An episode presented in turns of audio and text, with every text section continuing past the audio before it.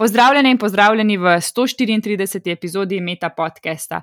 Marko je začel že sedmo sezono Meta podcasta, jaz pa nadaljujem. Eh, z mano je danes Nace Kranc, ki na Londonskem Imperial Collegeu na oddelku za naravoslovje v teh mesecih zaključuje svoj doktorski študij. Živijo, Nace. Živijo. Nace, s čim se ukvarjaš, kaj raziskuješ? Ja, jaz sem bioinformatik in v bistvu delam v laboratoriju, ki se ukvarja z genetskimi metodami za nadzor populaciji komarjev, ki prenašajo malarijo.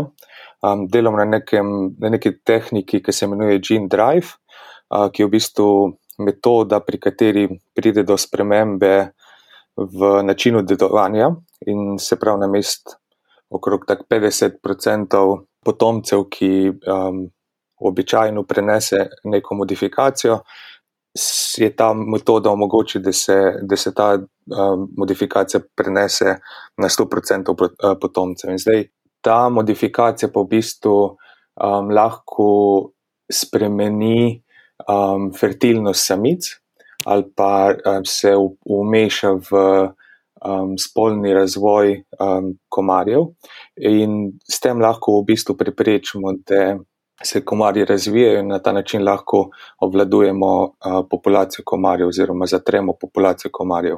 Zdaj, moj del raziskav se pa dotika, kje v genomu komarja v bistvu mi targetiramo, kje um, unesemo ta, ta, to genetsko uh, modifikacijo. Um, jaz sem v pripravi na ta uh, podcast, na to snemanje, pogledala malo tvoj življenje pisna, hitro ga ušvrknila in ugotovila, da si v bistvu, preden si šel v London, študiral v Ljubljani, na Univerzi v Ljubljani.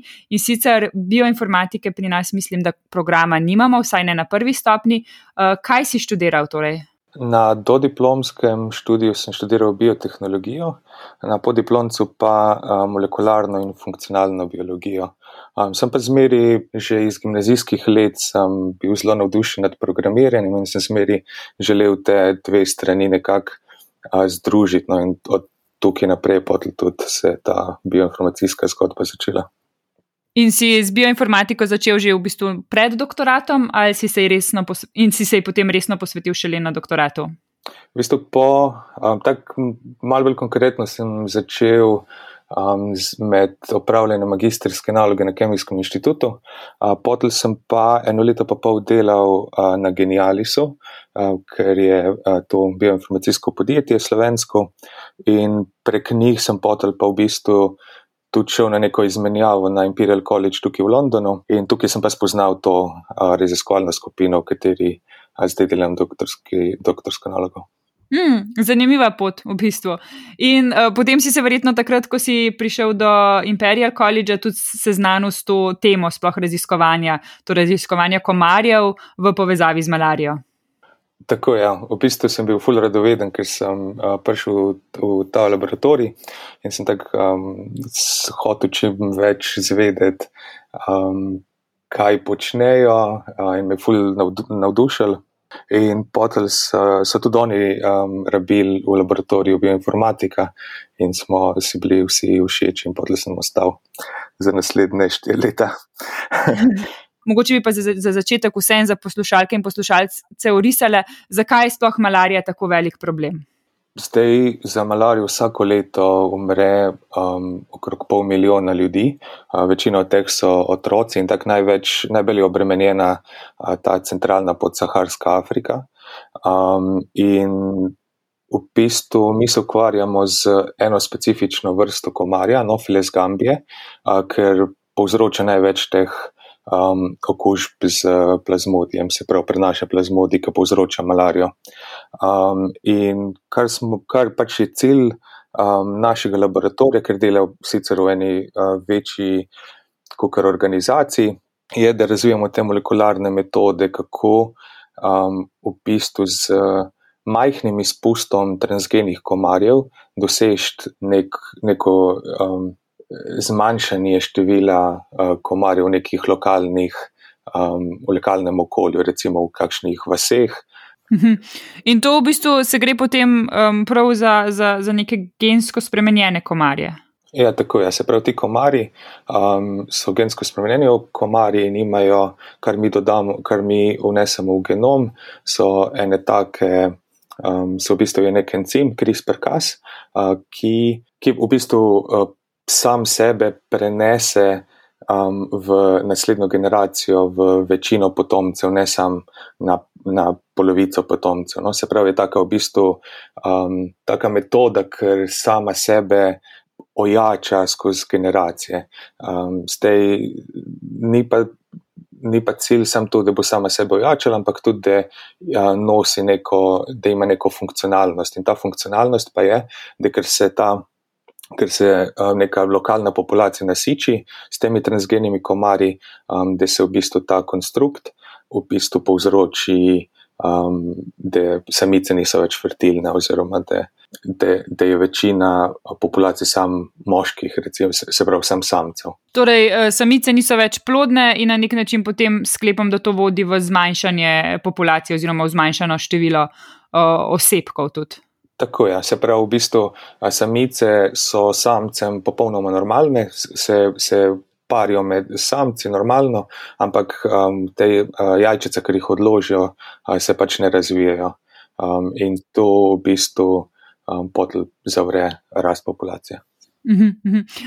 Ampak na nek način uh, sam si rekel, da te je zanimalo vedno združevanje biologije oziroma biotehnologije in informatike uh, in programiranja uh, in na nek način deluješ na področju bioinformatike. Jaz si predstavljam, da ti nisi tisti, ki se dejansko potem samimi komarji ukvarja, ampak v bistvu gledaš te zadeve in iščeš te mogoče uh, gene, ki bi bili primerni za, za, za, te, za, za to, da bi jih lahko spremenili na ravni genskega zapisa in za uporabo bioinformatskih orodij, kar pomeni za uporabo programiranja. A imam prav?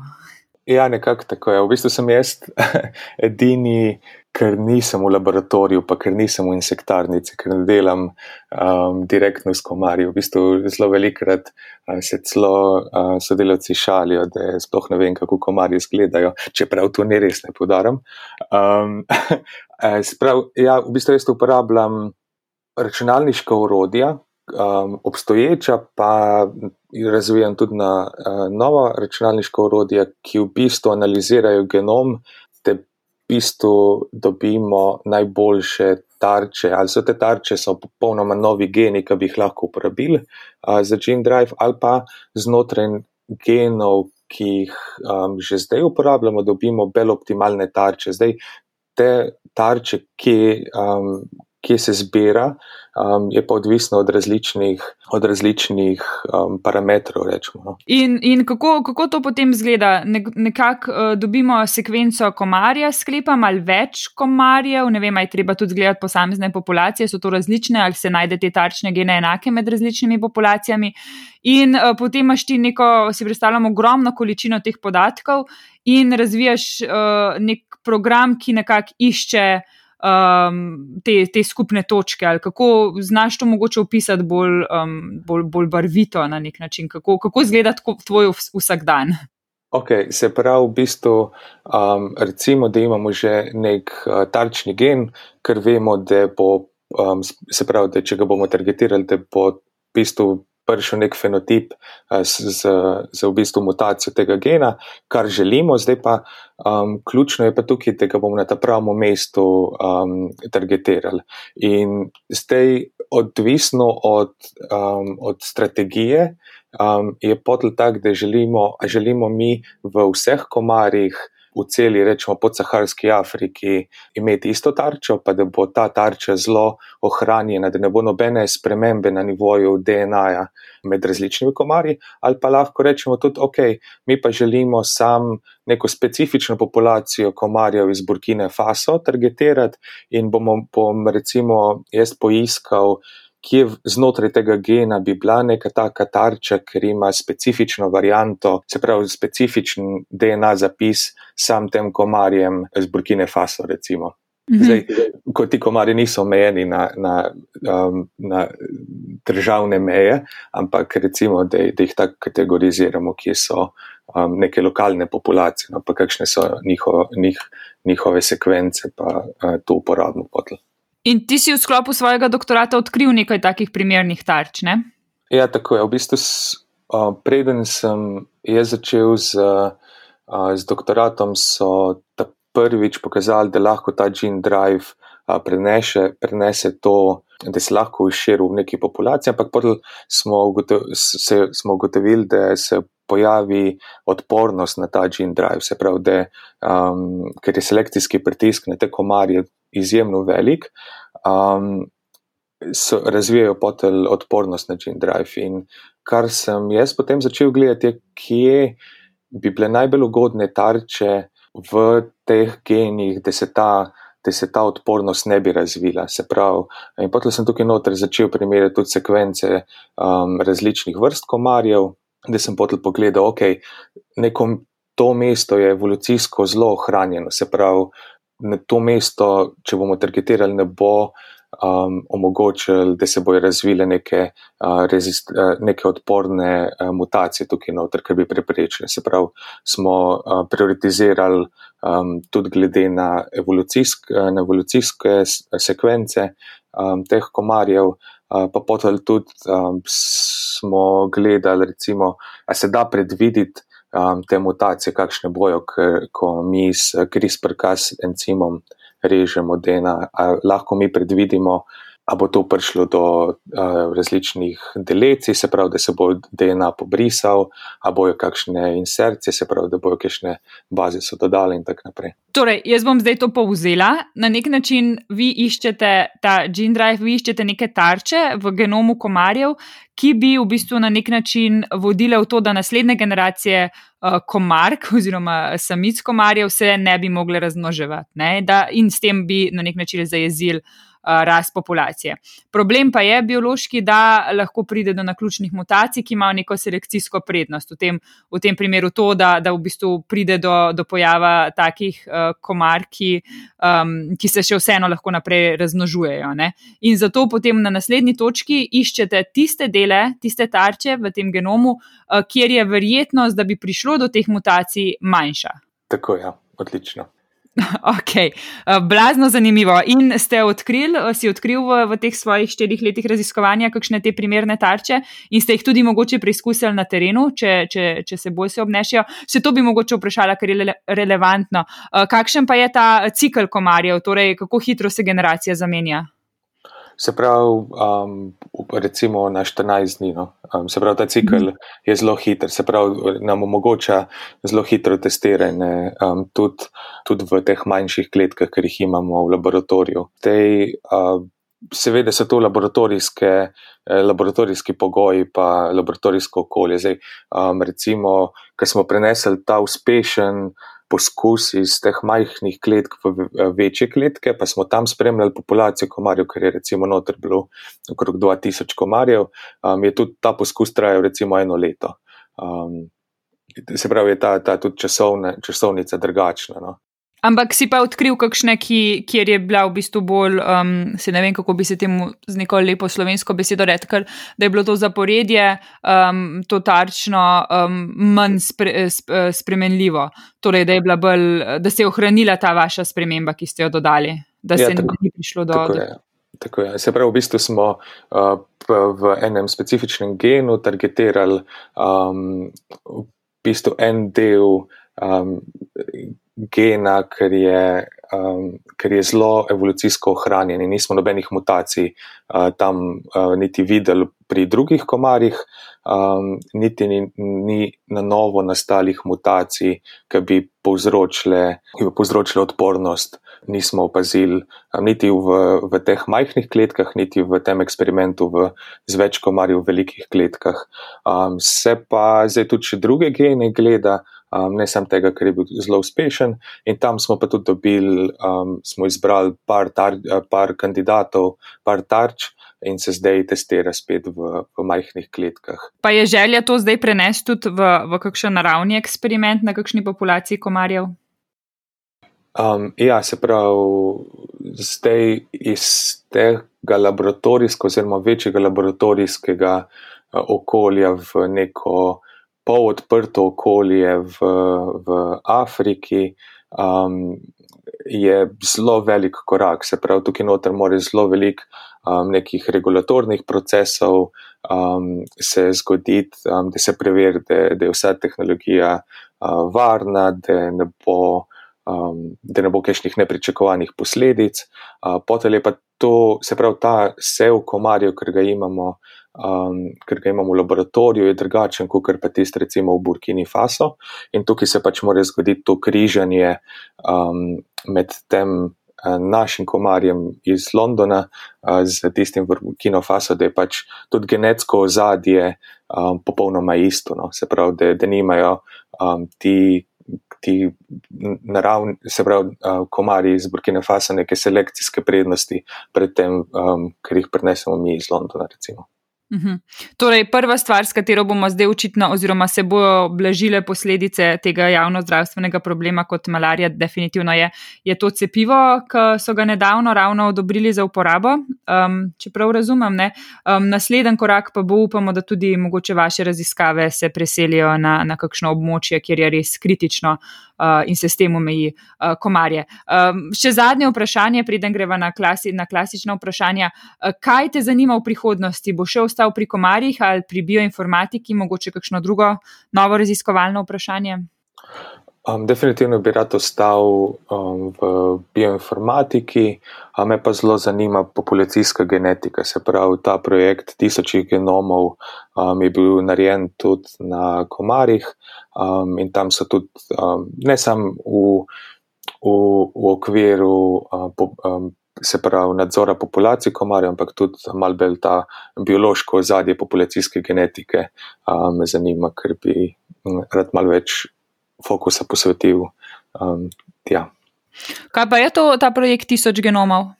Um, se pravi, do zdaj, v zadnjih petih letih, so um, iz različnih um, regij uh, te podsaharske Afrike um, um, vzorčili več kot 2000 komarjev, in vseh, vsem tem 2000 komarjem so sekvencirali njihov, njihov genetski zapis. Um, in kar se potel. Kar so potem naredili, je, da so ugotovili, katere so neke značilne variante za določene populacije teh, teh komarjev. Um, se pravi, to, je tudi tisto, kar sem omenil, da smo tudi mi uporabili to, te podatke, da smo rekli, ok, uh, zdaj, če želimo ta gene drive omejiti sam na neko podpopulacijo nekega koma, komarja v, v Burkini Faso, smo uporabili te podatke, ki so jih tam, uh, tam zbrali.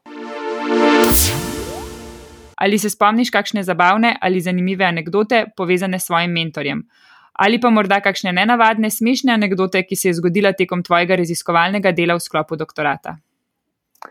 V bistvu, um, prva interakcija, ki sem imel s profesorjem, je, je bila ta, da je takrat se sploh nismo še poznali. Jaz sem bil tam na tej izmenjavi v tem laboratoriju.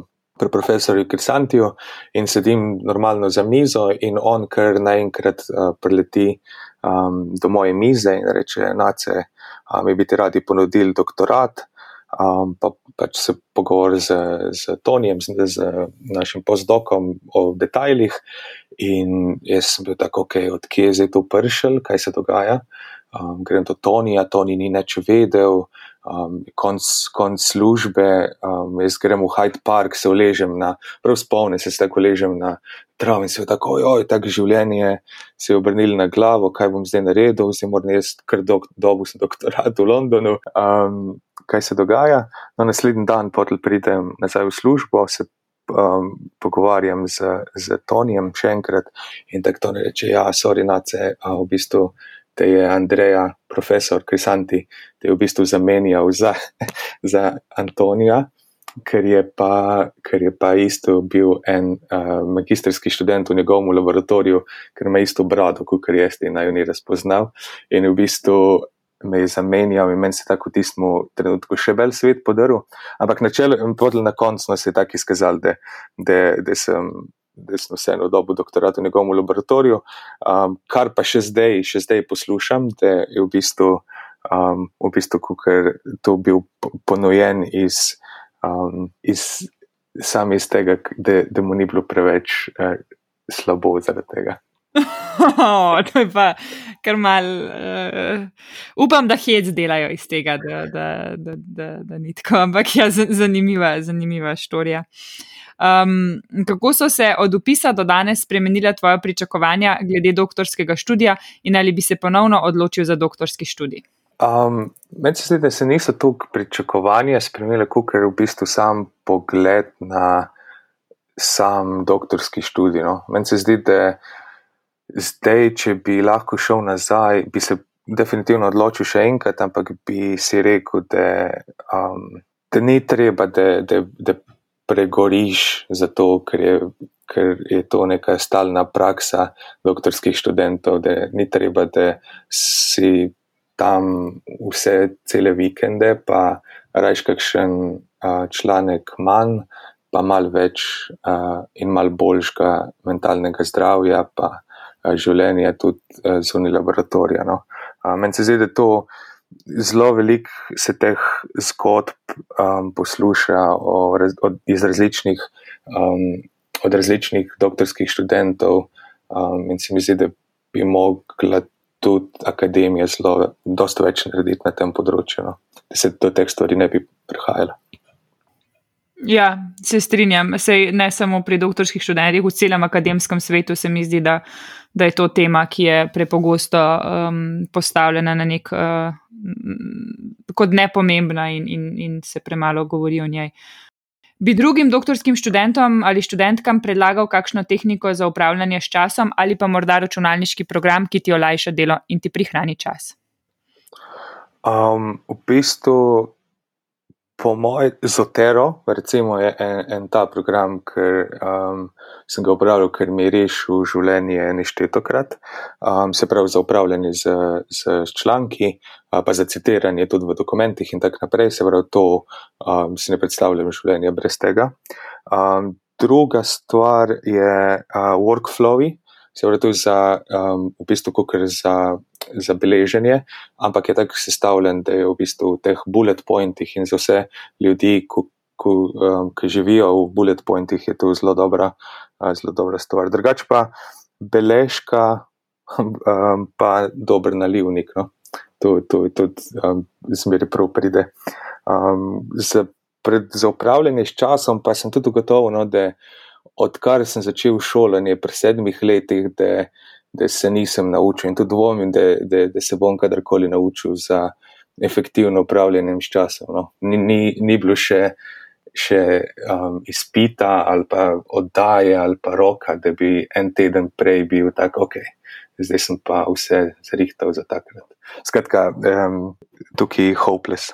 Priporočilo za knjigo, igro, film, spletno stran ali podcast zadnji dve knjigi, ki sem prebral, um, sta mi bili zelo všeč, pa bi kar te dve priporočil. Um, prva je od uh, J.M. Koecija, Sramota, in zdaj pa trenutno prebiram malo bolj uh, lažje literaturo, je pa v celi runi uh, nova knjiga, ta Beautiful uh, World, uh, Where Are You? Um, od podcastov bi ful priporočil uh, Life Scientific od BBC-ja, uh, Today in Focus, tudi vsak dan poslušam od The Guardiana uh, in Talking Politics, um, je tudi ena zelo dobra, dober podcast. Uh, pa v bistvu zdaj med pisanjem doktorske, uh, doktorske disertacije sem neštet, odkar šel skozi ta album uh, in bi ga vsem priporočil, in to je Bremer uh, McCoy uh, Utopija, en tak. Uh, um, lahek jazz, klasika. Še zadnje vprašanje, koga od nam znanih ali neznanih bi povabil na večerjo, če ne bi bilo nobenih omejitev? Povabil bi Antonija Bordena, ki je bil kuhar, pisec in jedec na en tak zelo, zelo uroč kari, na eno tako um, zelo um, busy ulico v, uh, v Mumbaju, rečemo. Super. Uh, hvala, Nace, za ta res odličen pogovor. Hvala za vabilo. Poslušali ste Meta podcast, v katerem se pogovarjamo z mladimi znanstveniki in znanstvenicami z različnih področji znanosti. Podcast domuje na spletišču metinalista.si, kjer najdete tudi druge zanimive znanstvene vsebine. Naše delo lahko podprete z donacijo Metini listi, pohvale, pripombe in predloge lahko posredujete po e-mailu znanostafna.metinalista.si. Dobrodošli so tudi komentarji na Facebook profilu Metina Liste in na Twitterju Afna Metina Lista, kjer uporabite hashtag MetaPodcast. Se slišimo čez 14 dni.